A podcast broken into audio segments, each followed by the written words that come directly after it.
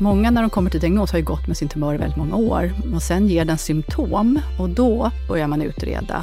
Men jag tror framåt att vi kommer kunna se utvecklingen inom prevention och hälsobefrämjande och insatser där. För varenda krona vi sätter på prevention får vi sexfaldigt igen. Vi måste jobba på det och jag tror att eh, det är precis som vid miljömedvetenhet. Att vi eh, måste nog komma till en lite hälsokrismedvetande här, vad vi står inför och eh, försöka arbeta på det.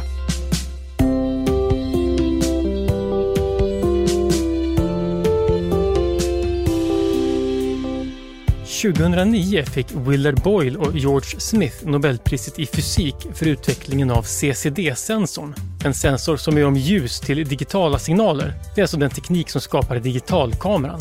De gjorde den här upptäckten 1969 och redan 1975 så hade Kodak tagit patent på en digitalkamera. Men eftersom de tjänade pengar på att sälja och framkalla film så satsade de inte på den nya tekniken. Istället tog det 25 år innan digitalkameran slog igenom. Så idéer förändrar alltså världen, men det går inte alltid snabbt. När det gäller kameror så kanske inte det är så farligt, men inom medicinsk forskning så är det desto viktigare att kunskapen snabbt når ut och kan göra nytta. De senaste decennierna har forskningen om cancer tagit stora steg framåt. Men hur ser vi till att den nya kunskapen inte fastnar på vägen utan verkligen blir till nytta för patienterna? Du lyssnar på Idéer som förändrar världen, en podd från Nobelprismuseet. Jag heter Gustav Källstrand. Och jag säger välkommen till dig, Anna Wartling, som är läkare och cancerforskare. Välkommen! Tack så mycket.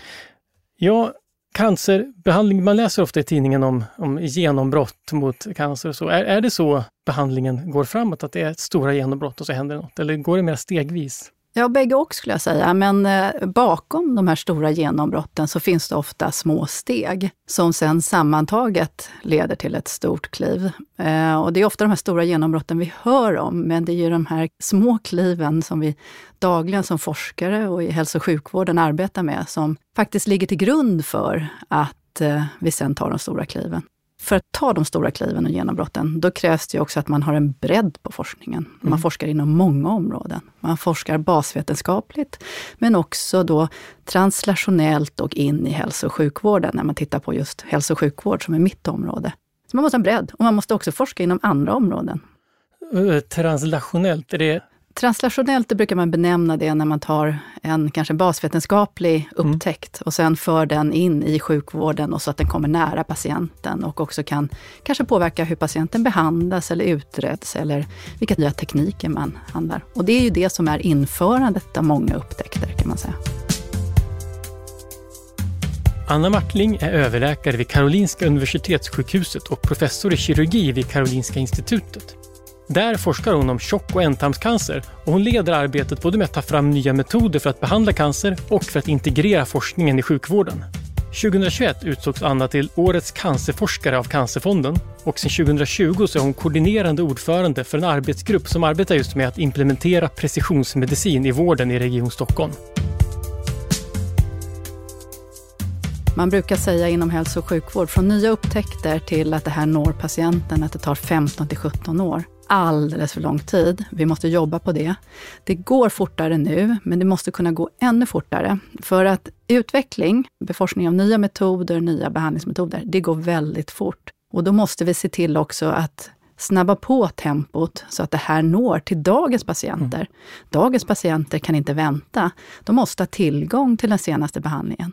Men för den sakens skull så ska vi inte slarva eller göra det förhastat eller någonting. Det måste vara ett strukturerat, ordnat införande och också med evidens, det vill säga att ha bra forskning bakom det hela. De här 17, 15 till 17 åren, beror den tiden på brist på kunskap eller är det brist på organisation eller är det båda? Vad, kan man kapa tid?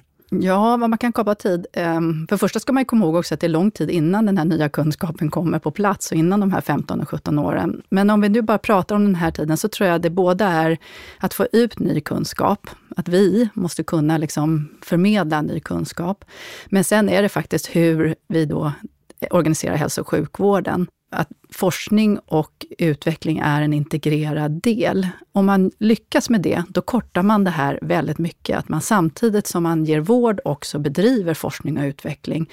Bara genom att göra det på det viset så kortar man faktiskt den här tiden att det sker mycket mer integrerat. Det har, har, man inte gjort det tidigare helt enkelt, att integrera forskning och sjukvård?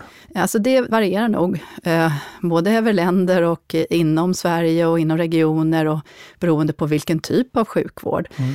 Det är klart att vi har våra universitetssjukhus som har ett uppdrag att bedriva eh, forskning, men vi har också vår universitetssjukvård som idag bedrivs i olika driftsformer och eh, det är ett sätt att förbättra den här processen eh, i och med att eh, patienterna finns i många olika former och i olika regi så att säga. Men det finns faktiskt mycket att förbättra där tror jag och jag tror att våra patienter förväntar sig det, att man ska få den senaste behandlingen och att det bedrivs forskning och utveckling.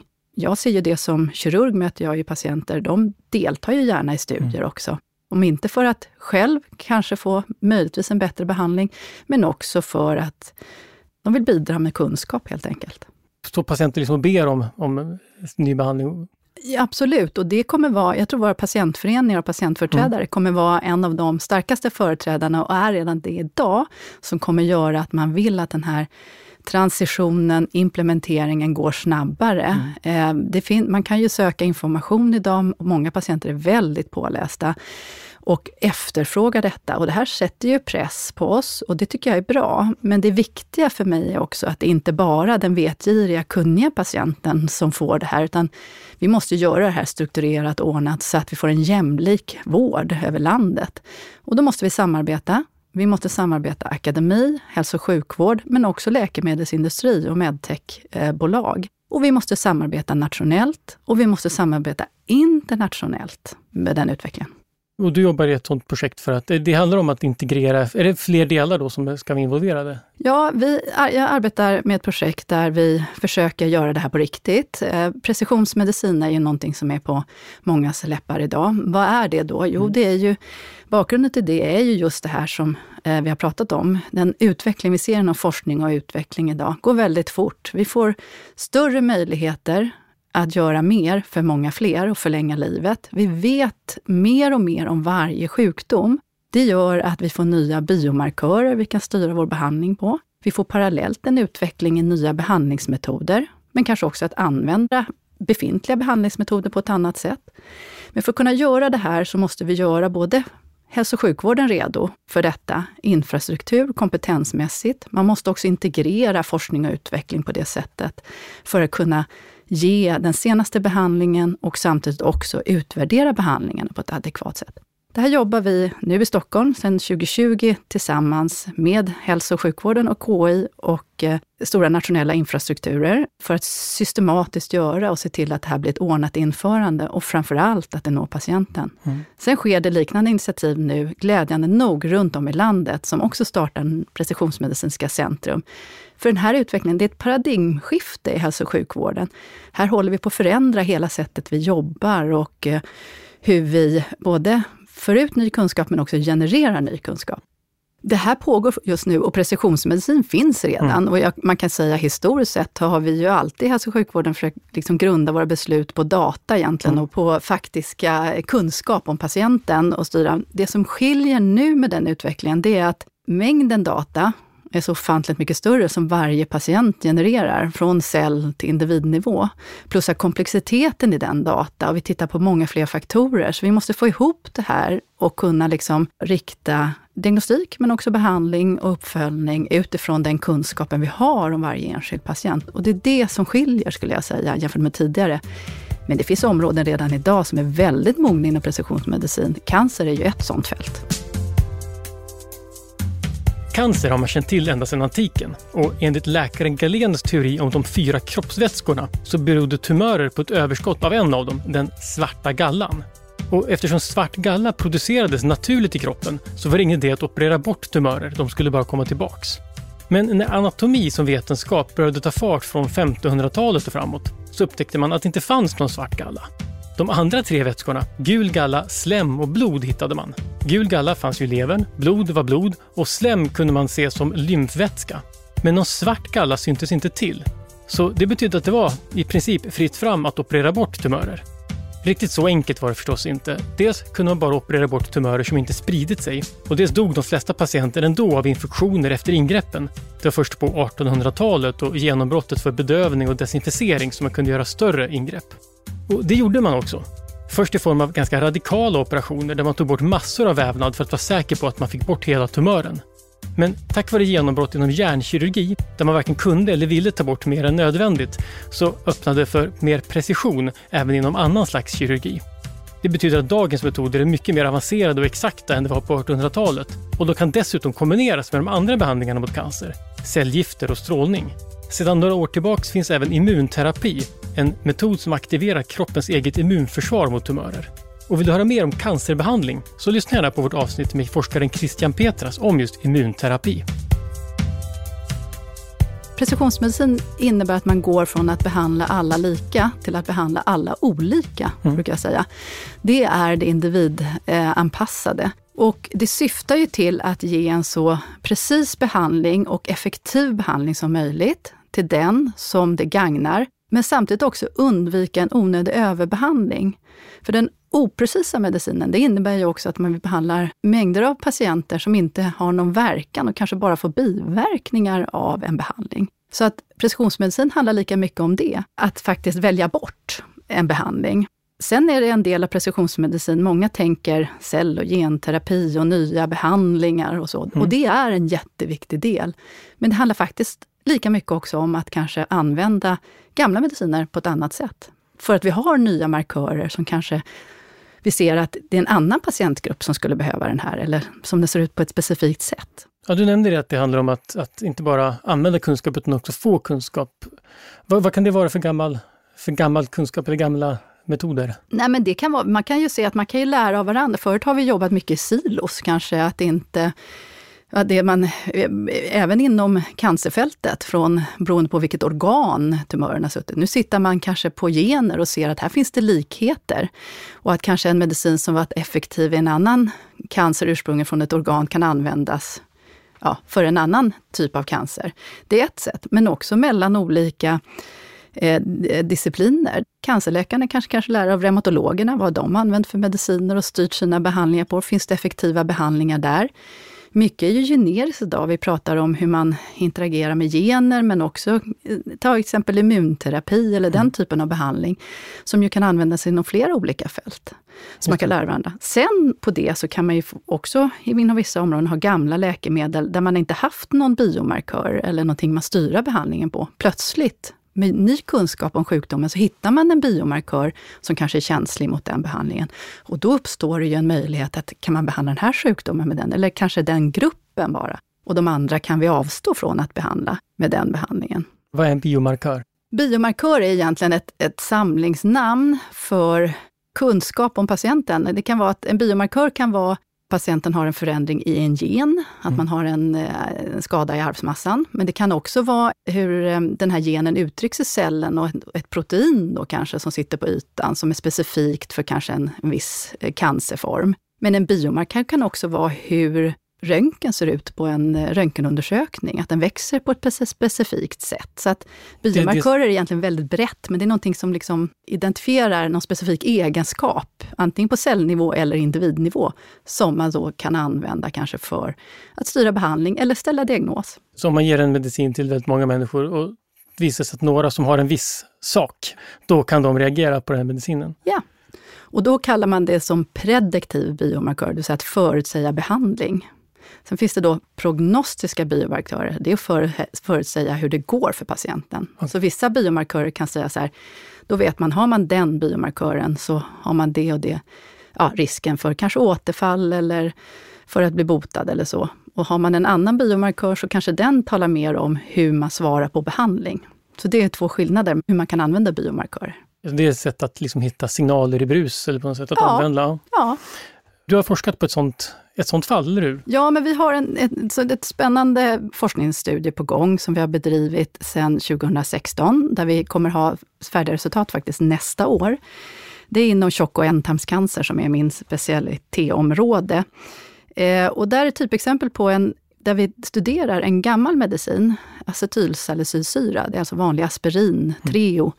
Den typen av läkemedel och ser huruvida det kan förhindra återfall hos patienter som opereras för tjock och ändtarmscancer. Och då tror vi just att från studier designade för annat, att Har man en specifik genförändring så verkar det vara just det här förutsägande för om man svarar på acetylsalicylsyra och att det kan minska återfallet.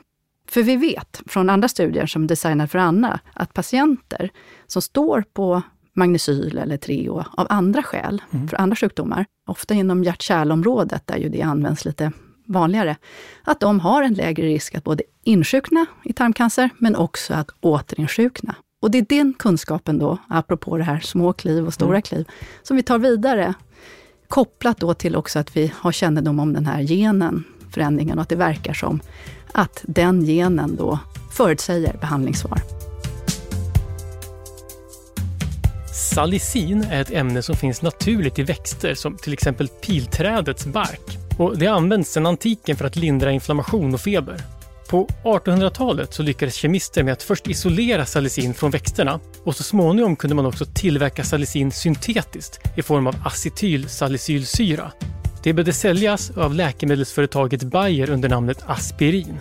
Trots att man alltså visste att acetylsalicylsyra fungerade väl så visste man inte hur det fungerade. Inte förrän på 1970-talet. Nyckeln till förklaringen det var prostaglandiner, ett slags ämne som kontrollerar en lång rad processer i kroppen och som kartlades av nobelpristagarna Sune Bergström och Bengt Samuelsson på 50 och 60-talet.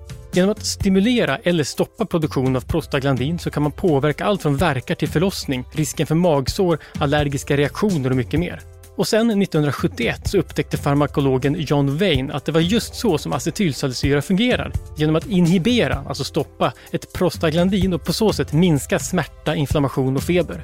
Den här upptäckten gjorde att han fick vara med och dela på Nobelpriset med Samuelsson och Bergström 1982. Så det här är exempel på hur vi inte bara måste använda data från hälso och sjukvården återigen, men också att vi använder den data som redan finns genererad från andra studier och titta på, få nya hypoteser som det kallas, alltså nya frågeställningar och sen beforska det vidare. För att med säkerhet kunna säga så här. För vi kan ju säga så här att utifrån de data som finns där så kan vi inte med säkerhet idag säga att så här är fallet, utan det krävs ju en sån här stor studie som vi gör nu, där man lottar patienter till den här behandlingen eller inte och bara då de patienter som har genförändringen. Så man delar upp, då, några får magnesyl och några får inte? Ja. Men om det hjälper vissa, varför ger man inte alla? Ja, vi vet, ju, vi vet på, grupp, på stora grupper att det hjälper till viss del. Okay. Men vi tror ju, och varför vi gör den här studien, är att det förklaras helt av den här genförändringen. Men innan man kan börja behandla på genförändring så måste man gör, visa det här i ett större material och det är det vi gör nu. Men finns det några nackdelar det är inte så att man kan själv börja knapra för att... Nej, man ska inte själv börja knapra av det skälet att det har faktiskt biverkningar. Även om det är en, det är nog den mest välbeprövade läkemedlet vi har på marknaden. Mm. Det har funnits över 100 år på marknaden. Det är väldigt billigt och det finns ju att köpa i, på apoteket. Men det här är mycket lägre doser och det är bra för att det har faktiskt biverkningar. Det finns risk både för eh, magkatarr, magblödning men också hjärnblödning för att man får en en påverkan på förmågan att eh, kunna koagulera, att kunna stoppa blödning liksom, genom att äta magnesyl. Så man ska inte börja utan att eh, vi har resultaten, det vill jag betona. Bra. Och in, inte ens om man skulle ha den här genen, för det hjälper inte om man inte har cancer, så är det ingen nytta av. Nej, och den, den, den genen är tämligen ovanlig bara att ha nedärvd, utan det, det, det kan man ha i och för sig, men det är eh, vanligare dock. Eh, ungefär 15 till 20 procent har en förändring i den genen eh, som har tjock och ändtarmscancer. Mm. Men eh, de flesta vet ju inte om vad de har för genförändringar, Nej. vilket är en annan sak eh, som vi också försöker arbeta med, att alla ska, ska gentestas. Ah, varför gör man inte det och varför borde man göra det? Det här, det här är ju en... Eh, gener idag inom mitt fält, kolorektalcancer, tjock och ändtarmscancer, används framförallt vid spridd sjukdom. Då mm. använder man det och de patienterna får en gentestning av sin tumör. Vi vet att det här kommer mer och mer och den informationen framförallt vi kan samla kan ha betydelse även för icke spridd sjukdom. Det är därför jag tycker att man bör göra det här på alla. Samtidigt så ska man ha respekt, för det här är en ny teknik och det är inte så länge vi har kunnat analysera generna på det viset. Framförallt måste man ju också få eh, göra det på ett kostnadseffektivt sätt så att alla kan få det här till godo. Och där jobbar vi nu med ett ordnat ett exempel på ett ordnat införande så att vi kan erbjuda det här till varje patient. För det kommer ha ännu mer betydelse för framtiden, eh, om vi vet hur genuttrycket ser ut i tumören. Men för jag tänker, det, det, finns väl en del diskussioner om det här med att veta att man har en gen som ökar sannolikheten för någonting. Det, kan, alltså det finns ju, mm. betyder ju inte att man kommer få cancer. Nej. Jag antar att vissa gener är värre än andra. Ja, och det här, nu pratar jag ju om de som är insjuknat okay. redan i eh, sjukdom. Mm. Där är det en annan sak, där riktar man behandlingen. Annars har du helt rätt i det. Diskussionen att man ska eh, titta på sina gener och förutsäga risker för det ena, det är en helt annan och en etiskt eh, viktig diskussion att ta. Och där är det en annan problematik som du är inne på. Mm. Vad säger det här egentligen eh, och vad kan jag göra åt det? Så det, det tycker jag att, att skrina den friska befolkningen, det är inte det jag pratar om, utan det jag pratar om är de som har insjuknat redan i kolorektal cancer, där mm. det kan påverka din behandling och utfallet av sjukdomen. Just för det är två olika saker. Det är två helt olika mm. saker. Mm. Ja, men det. Mm. Då förstår jag bättre. Mm. Och det, för då gener antar jag, den, de kan väl förstås, det, det kan man förstå att det kan påverka hur man behandlar då med till exempel läkemedel och så. Kan de också påverka hur man svarar på strålning och kirurgi? Har generna en funktion där också? Ja, det har de. Där har forskningen inte kommit lika långt kan man säga. Eh, men, eh, och det vore väldigt önskvärt idag att vi kunde förutsäga till exempel strålsval bättre. Vi kan inte det idag faktiskt. Eh, inom min specialitet, återigen, är det mest storleken på tumören som är den bästa liksom, förutsägande biomarkören i det fallet, mm. är storleken faktiskt hur bra man kommer svara på strålbehandling. Eh, men där pågår det forskning och det krävs mer forskning. Kirurgi, där kan det finnas andra exempel. Dels är det så att om man insjuknar och ser att man kanske har en ärftlig tarmcancer, mm. då kanske det är så att vi ska ta bort mer av tarmen, så att man inte får en ny tumör. Eller också, en del har kombinationer, att den där genen eh, visar sig att man också har en risk för att till exempel få livmodercancer eller eh, någon annan cancer högre upp i mag-tarmkanalen. Och då ska man ju sätta den patienten i ett screeningprogram eller kanske göra någon förebyggande kirurgi. Eller bröstcancer eller mm. så. Så att, så att det finns eh, både det här med förebyggande kirurgi, utvidgad kirurgi och att man kan rikta screening till exempel. Så att där kan eh, snarare generna ha den betydelsen. Och det är ytterligare ett skäl till att jag tycker att alla patienter med tjock och ändtarmscancer ska liksom i förväg screenas avseende, för att veta det, så att man inte behöver operera två gånger till exempel och utvidga kirurgin vid ett annat tillfälle. Just det, så det hjälper dig som läkare att veta om det är en ärftlig cancer eller om det är en ja. Kallas det förvärvad eller vad kallas det? Förvärvad annars, ja precis. Ja. Man skiljer ju på det om man har en nedärvd förändring i generna eh, och, eh, eller förvärvad. Och det kan man skilja om man då tittar både på tumör och blod samtidigt, så kan man skilja de nedärvda från de förvärvade. Och det här när jag pratade tidigare då om biomarkörer, då är det ju ofta de förvärvade vi pratar om. Medan det här när man kanske ska utvidga kirurgi etc., det är nedärvd. Och det kan ju också ha betydelse för släktingar till exempel, att man är bra att ha den kunskapen för att kunna kanske gå in med screeningprogram till släktingar som man vet då har en ökad risk, till exempel om de har samma gen, att eh, drabbas de också. Just för då handlar det inte om att få reda på, då handlar det om att screenas, det handlar inte om att förebygga på andra sätt, utan för screening är väl ganska Ja, screening är enkelt, faktiskt för, förebyggande också. Ja. Eh, just inom tjock och ändtarmscancer så är screening så att hitta förstadier. Eh, och genom att hitta förstadier så kan man faktiskt förhindra att man insjuknar.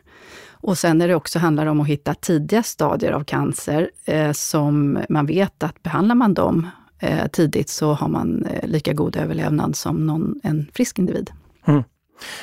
För det är väl är det så att ju längre cancern är i kroppen, desto farligare blir det, eller större återfallsrisk i alla fall? Är det så? Ja, mycket förenklat kan man säga så. Det kan vara så, men det kan också vara så att eh, det är annan biologi som gör, inte bara tiden i kroppen, utan Vissa celler och vissa tumörformer är mer aggressiva och andra mindre aggressiva. Vissa tenderar att sprida sig snabbare och eh, Andra tenderar bara att växa på plats. Och det kan faktiskt variera inom samma tumörform. Mm. Så att det finns en väldig spridning i det, hur tumörcellerna ser ut. Men tiden har absolut en betydelse så tillvida att, eh, att hitta en tumör tidigt, det vill säga, och då menar vi med att de har en eh, tidigare stadium, då, då har nästan alla tumörformer en bättre prognos och utfall. Förutom kirurgi, strålning och cellgift så finns det också cancer som kan behandlas med hormoner. På 1940-talet så upptäckte Charles Huggins att tumörer i prostatan behöver det manliga könshormonet testosteron för att växa och att det går att sakta ner sjukdomsförloppet hos patienter genom att stoppa tillförseln av testosteron genom kastrering eller att tillföra det kvinnliga könshormonet östrogen.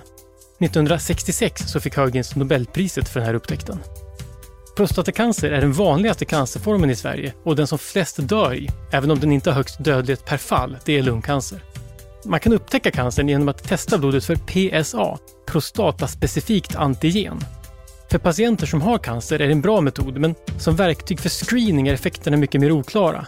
Eftersom tillförlitligheten är låg så får man många falska positiva fall när man testar friska personer i stor skala. Och där PSA-screening är genomförts så verkar de inte ha bidragit till lägre dödlighet. Det är verkligen så att ju mer vi vet om varje enskild tumör och individ, desto mer sällsynt blir den så att säga. Så att även de vanliga sjukdomarna blir faktiskt ovanliga. Och det här ställer ju utmaningar både på hälso och sjukvården att kunna skräddarsy, men också på oss forskare. För att vi måste designa våra studier så att vi kan dra slutsatser av färre patienter. Traditionellt sett så är det ju så ofta vi har väldigt stora studier och så kanske vi lottar till den ena behandlingen, den andra behandlingen eller studerar och drar slutsatser från det. Nackdelen med det är att det tar lång tid. Det är väldigt dyrt och kostsamt och det är väldigt många patienter som kanske behandlas i onödan, kan man säga. Nu med det här, när man ska dra slutsatser för färre, då måste man samla mer information om varje patient. Men man måste också designa studien så att man kanske liksom tittar efter tidigare, justerar, behandlar fler med kanske den aktiva substansen etc. Så att det här pågår en, en, också en utveckling inom forskningen, mm. att liksom designa de smarta studierna. Och också då faktiskt dra lärdom av da stora dataset före man börjar designa studierna. Titta efter det här med big data, att samla in all den här informationen och kunna göra smarta, intelligenta studier som tarvar färre patienter, så att man kan lära systemen lite snabbare. Så det är både precisions precisionsbehandling och precisionsforskning på något sätt? Absolut. Är det, är det en del av det här, du var inne på paradigmskiftet, att man spontant kan man tänka att om man ska forska om ett läkemedel eller behandling så vill man ta något som botar så många som möjligt. Mm. Men det är alltså det är på väg att ändras? Ja, det är på väg att ändras. Och, eh, och det är ju, men det kräver att liksom forskningen integreras i hälso och sjukvården. Och att man liksom gör de här nya och använder kraften i all den data vi genererar. Mm. Varje patient idag som kommer till hälso och sjukvården genererar en stor mängd data vi använder inte all den datan idag och det tycker jag är oetiskt, både för patienten framför mig, men också för kommande patienter. Vi måste återanvända den datan. Och det är den stora skillnaden faktiskt, kan man säga. Industrin driver ju på det här också. De vill ju förstås sälja mycket läkemedel, men de vill ju ha bra läkemedel och utvecklingen går så fort och mm. de vill vara mer precisa och eh, kunna rikta behandlingen till den det gagnar. Och de som det inte gagnar ska ha en annan behandling som vi riktar. För de behandlingar som tas fram då som hjälper färre eller mer precisa, de kommer väl, om, om de då hjälper färre, men då hjälper de de färre mycket bättre. Ja. Så då blir de också kanske dyrare, alltså på det sättet.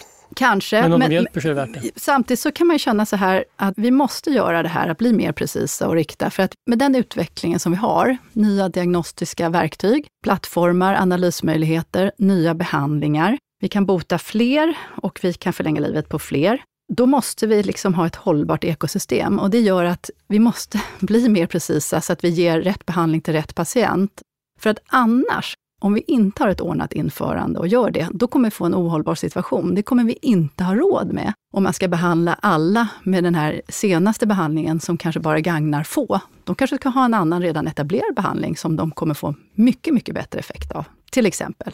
Mm det gör också eh, en annan sak som är den stora, tycker jag, resan för mig personligen, som har jobbat väldigt mycket inom behandling och att försöka bota mm. cancerpatienter, att en annan aspekt på det här med ett hållbart ekosystem, det är ju att vi måste, för att få ett hållbart ekosystem, faktiskt jobba mycket mer på preventionssidan, det vill säga mm. förebygga cancer till exempel.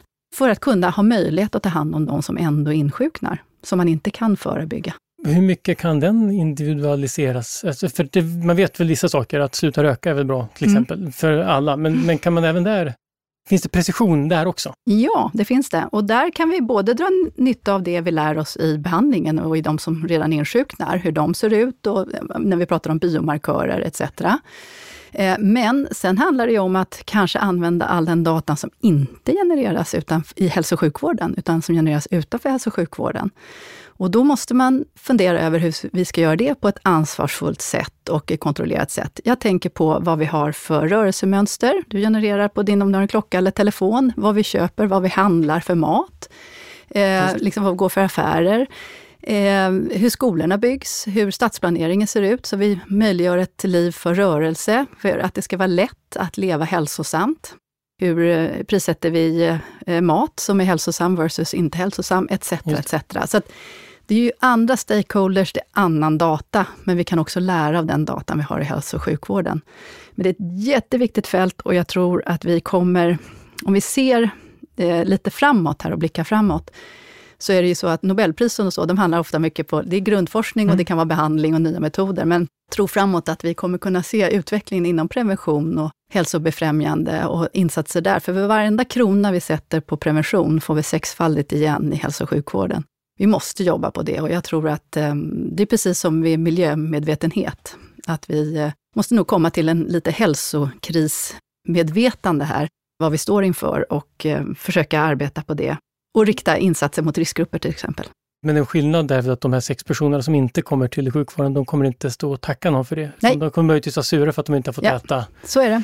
äta något gott. Och det är svårt med prevention, för att det krävs insatser under lång tid. Det är mycket som händer i människors liv under lång tid och eh, det är också kanske det är samhällsinsatser och vi har ett samhälle då som är kanske uppbyggt i lite kortare perioder än att vi tittar 30 år och sådär. Jag tänker politiskt styrda etc. etc. Men du, du nämnde med Nobelpris att det ofta går till grundforskning. Jag tänker det där är ju tänker i alla ämnena, men, men, inte minst medicin, då, att man gör en grundupptäckt och sen så är det den här som faktiskt Nobelpriset handlar om, nyttan för mänskligheten. Det sker liksom nästan automatiskt, mm. får man intrycket av. Eller möjligtvis är det en tillämpning, men att den här tillämpningen är inte bara en, vad ska man säga, teknisk eller ingenjörsmässig sak, utan det också kräver mycket forskning. Ja, det är ju en jätteviktig del. Det är ytterligare en forskningssteg, mm. så att säga. Eh, och det är till och med forskningssteg när det är implementerat sedan att avläsa i befolkningen. Så att alla steg behövs. Basvetenskap behövs väldigt starkt. Och jag menar, inte minst pandemin är ett exempel på hur, hur viktigt det var att mm. det fanns basvetenskaplig forskning som hade studerat kanske andra områden, närliggande områden, där man kunde samla ihop sig. Men sen är det så att man måste göra de här utvärderande studierna. Tidiga prövningar i människa, tidiga prövningar till då sjuka och sen de här randomiserade prövningar där man lottar till behandling. Men återigen, vi kan förbättra oss också i de här olika stegen, att bli snabbare och använda data mer för att designa våra studier. Och då kommer vi kunna komma snabbare i mål. Det känns som att alla samtal nu för tiden landar i AI på något sätt. Är det ett verktyg? För det låter som att det skulle kunna vara det, inte minst med de här stora datorna. att hitta helt Magnecyl var en sak, det kanske man ändå kunde komma på att man skulle leta efter, men om du tänker det här med att liksom, människors rörelsemönster, att leta på oväntade ställen, det är väl datorer bra på? Ja, det är, precis det är det. Och där behöver man ju AI då för att kunna göra det, för att kunna se nya mönster i stora mängder data. Så behövs AI-systemen både som metodologi, men också som verktyg och som eh, hypotesgenererande etc. etc. Och även avläsa faktiskt svar. Så att för mig är ju AI en del av datahanteringen egentligen. Mm. Eh, en viktig del och inte minst för tillämpningen och få ett beslutsstöd också för läkarna eh, inför patienten. Men också att kunna dra slutsatser liksom från den data som, som genereras och generera ny kunskap. Och där vi ser ju tidiga tillämpningar i AI redan nu i vården, att man kan också få förbättrad diagnostik. Och diagnostik, om vi pratar precisionsmedicin, mm. är ju liksom motorn i hela precisionsmedicin, det är den som genererar kunskapen om individen som sen ligger till grund för behandlingen.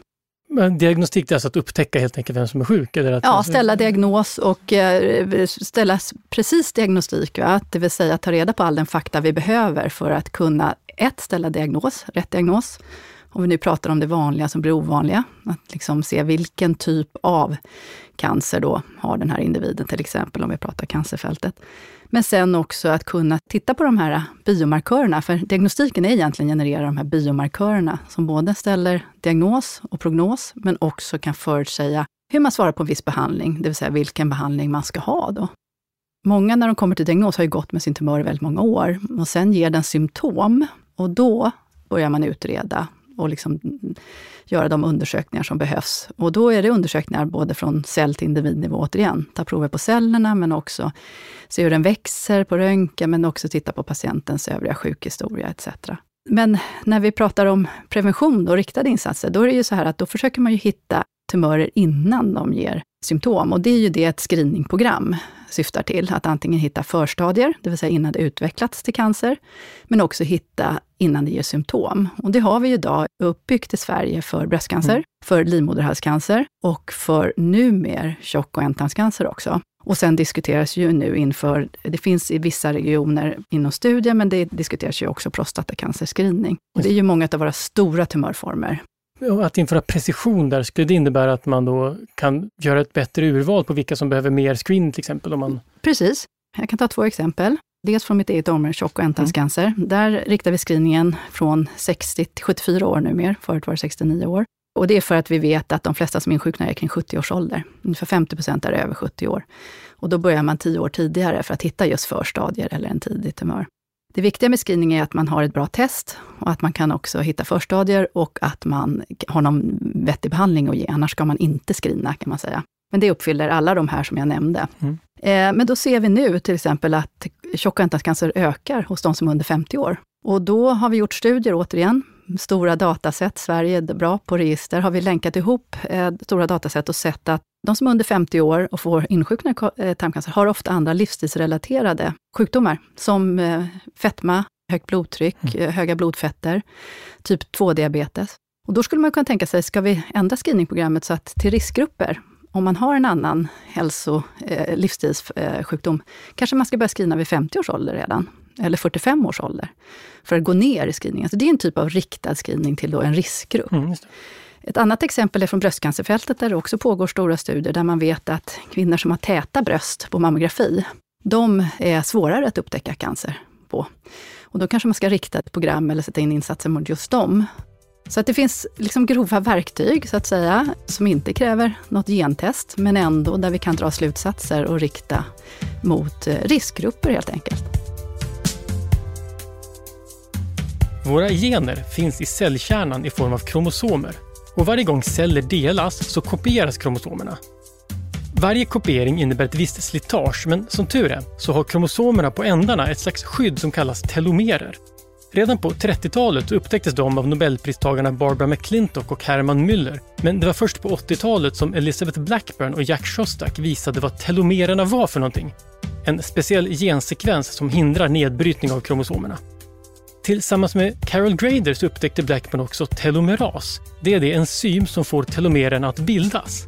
Telomeras det är aktivt när våra celler bildas i fosterstadiet. Men senare i livet så bildas det inga nya telomerer, utan våra kromosomer slits successivt ner ju mer de delas. Och det betyder att celler åldras och så småningom dör. Upptäckten av telomerer och telomeras fick först många att drömma om att vi skulle kunna hindra allt åldrande genom att bilda nya telomerer, men det visar sig att åldrande är mer komplicerat än så. Däremot spelade upptäckten stor roll för förståelsen av cancer. Att telomerer slits sätter ju gränser för hur mycket en cell kan delas. Men cancerceller kan delas i all oändlighet och det beror på att de har just en ökad telomerasaktivitet. Alltså, de kan reparera sina telomerer. I princip innebär det alltså att cancerceller kan delas hur mycket som helst och att tumörer lever för evigt. Det finns exempel på tumörer som opererats ut från patienter och som lever vidare i laboratoriet flera decennier efter att patienten de kom ifrån har dött. En av de mest kända tumörerna av det här slaget kommer från Henrietta Lacks. Hon fick cancer 1951 och dog några månader senare. Men prover från hennes cancerceller lever kvar än idag och har givit upphov till åtminstone tre Nobelpris. Vill man veta mer om henne så rekommenderar jag boken Den odödliga Henrietta Lacks av Rebecca Skloot. Man vet att eh, tumörer släpper hela tiden tumörfragment till blodbanan. Och eh, då kan man ju, om man försöker leta efter de där tumörfragmenten, då kan man hitta arvsmassan från tumören och skilja den från individens normala arvsmassa.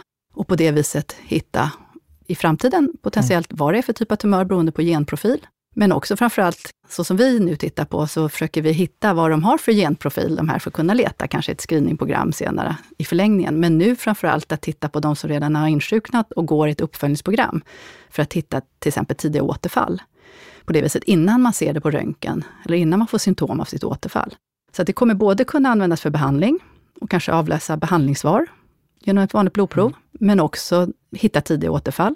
Men också i förlängningen då, den kunskapen, typexempel som du var inne på förut, vi hittar från behandling, kan vi sen föra till friska populationen. Och att istället för att som idag med tarmcancer, när man letar blod i avföringen, så kanske man kan gå till sin husläkare och bara ta ett vanligt blodprov och titta efter det. Och andra tumörformer. Mm. Så det är en höggradig relevant och det är ett fält som beforskas väldigt mycket nu och det görs stora studier på och som verkar lovande. Är det som med prostatacancer, att om man till exempel opererat bort sin prostata och sen upptäcker man då celler som påminner om, då måste det vara tillbaks för då har ja. de cellerna spritt sig? Ja, men då... Ja. Och då kan man hitta det mycket tidigare. För att annars så, hur hittar man annars det? Jo, det är när man, en tumör har växt till, kanske just med prostata då, mm. Eh, prostatacancer, kanske har vuxit till i skelettet och man får ont och behöver symptom och går och blir röntgad. Eller att man ser någon annan markör som stiger som inte är så exakt. Men här skulle man då ha ett mycket mer precis eh, verktyg för att kunna leta då efter ett tidigt återfall. Och det är samma sak för tjock och ändtarmscancer, på samma sätt. Man vet vad, vilken profil tumören hade. Då kan man leta efter den i blodet och hitta den tidigare. Ja, för prostatan blir ganska enkelt eftersom det finns så säga, en och så är den borta så är den borta. Men, men, men då kan man göra det med mer precision genom att ju mer man kan om själva cancerformen så ju mer kan man leta efter. Det är otroligt. Eh, hur stora är de stegen att få det här rent praktiskt funka? Hur mycket jobbar man med det? Ja, det är ju en del av det här arbetet vi gör nu också med inom precisionsmedicininitiativet, att verkligen få det här eh, hela vägen ut till patienten. Det bästa sättet att se till att säkerställa att det sker, det är att också studierna bedrivs i primärvården och bedrivs där patienterna finns förstås, för då implementerar man liksom samtidigt som man bedriver studien och metoden finns där och man de diagnostiska plattformar man behöver kanske man har upparbetat en, en lina till, liksom en, en, en, så att man kan nå, vet var man ska skicka provet. Men det är klart att man får ju inte hoppa över några steg här. Det måste beforskas, beprövas och visa sig effektivt. Så även om man har en ny metod som mm. verkar lovande, så måste man visa att den faktiskt gagnar patienterna och vilka det gagnar. Men sen är det förstås, så måste ju då när man har det underlaget, så ska ju det här också ut och informeras. Det ska in i vårdprogram, det ska finnas som ett behandlingsstöd. Och där kommer ju också AI kommer ha en betydelse, att samla in kunskap från olika håll för att kunna säga att här bedrivs de här olika studierna och sammanväga det kanske. Men också att vi är på tå i professionen och att vi får ju aldrig liksom hoppa över några viktiga steg. Det här måste ju ske på ett ansvarsfullt sätt och strukturerat, men då måste man ta i frågan. Men kommer det här, tror du, förändra? Ja, men det, det är absolut så. Det är ömsesidigt förstås. Vi förändrar men vår hälso och sjukvård, och inte minst hälso och sjukvården skulle jag säga. Och för att kunna få en integrerad forskning så måste ju hälso och sjukvården förändras. Hur vi arbetar, vilka arbetssätt, vilka kompetenser som finns på plats. Det är en jättestor fråga idag. Så att både nya kompetenser, men också att sjukvården också organiseras så att det här kan ske integrerat och att man har tillgång till de här stora till forskningsplattformarna. Och det tror jag kräver, för att det här ska bli jämlikt, att vi ändå ser en ökad centralisering av vissa diagnostiker och, och beslutsunderlag och även beslut. Sen kan vården ges och behandlingen ges hos olika vårdgivare. Men det här är så pass kunskap och teknikkrävande så att vi behöver ha en, tror jag, centralisering för att det här ska nå, oberoende var du bor i landet eller vad du har för socioekonomi eller utbildning, ska kunna nå ut, så måste man nog organisera sig på ett annat sätt. Mm.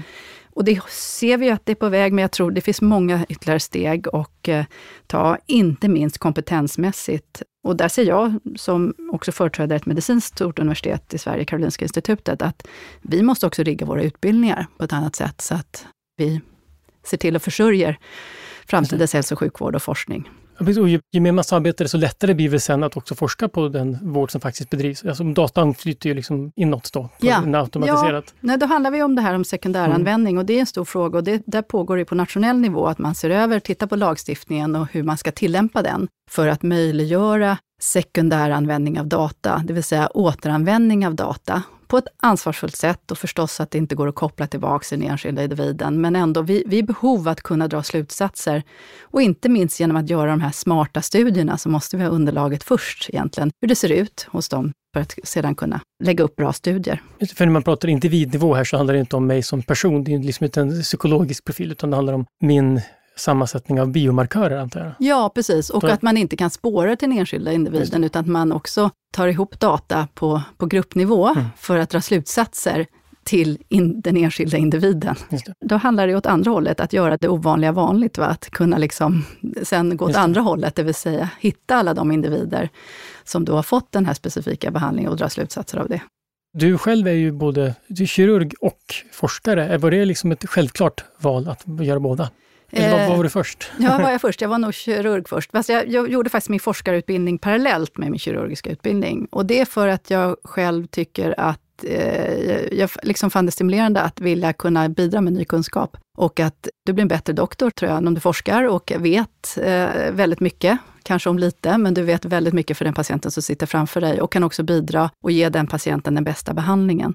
Så det har varit min drivkraft faktiskt, att eh, forska fram nya metoder som vi har gjort och kunna sen implementera det i eh, vården och förändra hur vi behandlar patienter. Men också så som jag jobbar nu, att ta reda på mer om grundorsaken och hitta nya biomarkörer och hur vi ska använda dem framåt. Så att eh, mm. det är Ehm, en förmån att kunna ha bägge rollerna. Och det kommer förstås behövas folk som är det ena eller andra, men det låter som precisionsmedicin ett område där liksom, det är perfekt att ha de här två det bästa av två världar på något sätt. Ja, där, där liksom möts det, där fusioneras ja. det på något vis i det. Men där, vi behöver ju också rena forskare mm. i det och vi behöver rena kliniker, så alla har sin plats. Och vi behöver nya kompetenser, vi behöver fysiker, vi behöver matematiker, vi behöver data wranglers, vi behöver liksom kloka människor kort och gott, mm. inom alla olika specialiteter och discipliner. Så det finns mycket att, att göra om det är någon som lyssnar och vill bli blir något av de sakerna så kan man jättefint bota cancer. Det finns hur mycket som helst att göra. Det, går, det händer väldigt mycket nu och det är väldigt roligt. Och det är fantastiskt också sen att kunna hjälpa personer som är sjuka. Och kanske till och med förebygga faktiskt. Mm. Nej, men då, vi ska avsluta, men jag tycker bara det är viktigt att framhålla det här som vi var inne på tidigare också, det här med att nu pratar vi inte om tio år så kommer AI leda till att vi kanske kan göra något, utan det här är någonting som faktiskt händer här och nu. Det händer här och nu och vi använder ja. det idag eh, i sjukvården redan. Tack så mycket för att du tog dig tid att komma hit och berätta. Det var jätteintressant. Tack så mycket för att jag fick komma. Idéer som förändrar världen är slut för den här gången. Den här podden görs av Nobelprismuseet. Vi finns på Stortorget i Gamla stan. Information om museets utställningar och öppettider finns på museets hemsida nobelprismuseum.se. Du kan förstås också följa oss på Facebook och Instagram. Och vill du veta mer om Nobelpristagarna och deras arbete så gå gärna till Nobelprisets hemsida nobelprice.org. Och ett stort tack till Nibe Group, EF Education First, Knut och Alice Wallenbergs stiftelse och familjen Erling Perssons stiftelse som möjliggör Nobelprismuseets verksamhet. Idéer som förändrar världen görs i samarbete med produktionsbolaget Filt, producent är Andreas Wiklund och jag heter Gustav Källstrand. Vi är snart tillbaka med nya intressanta samtal.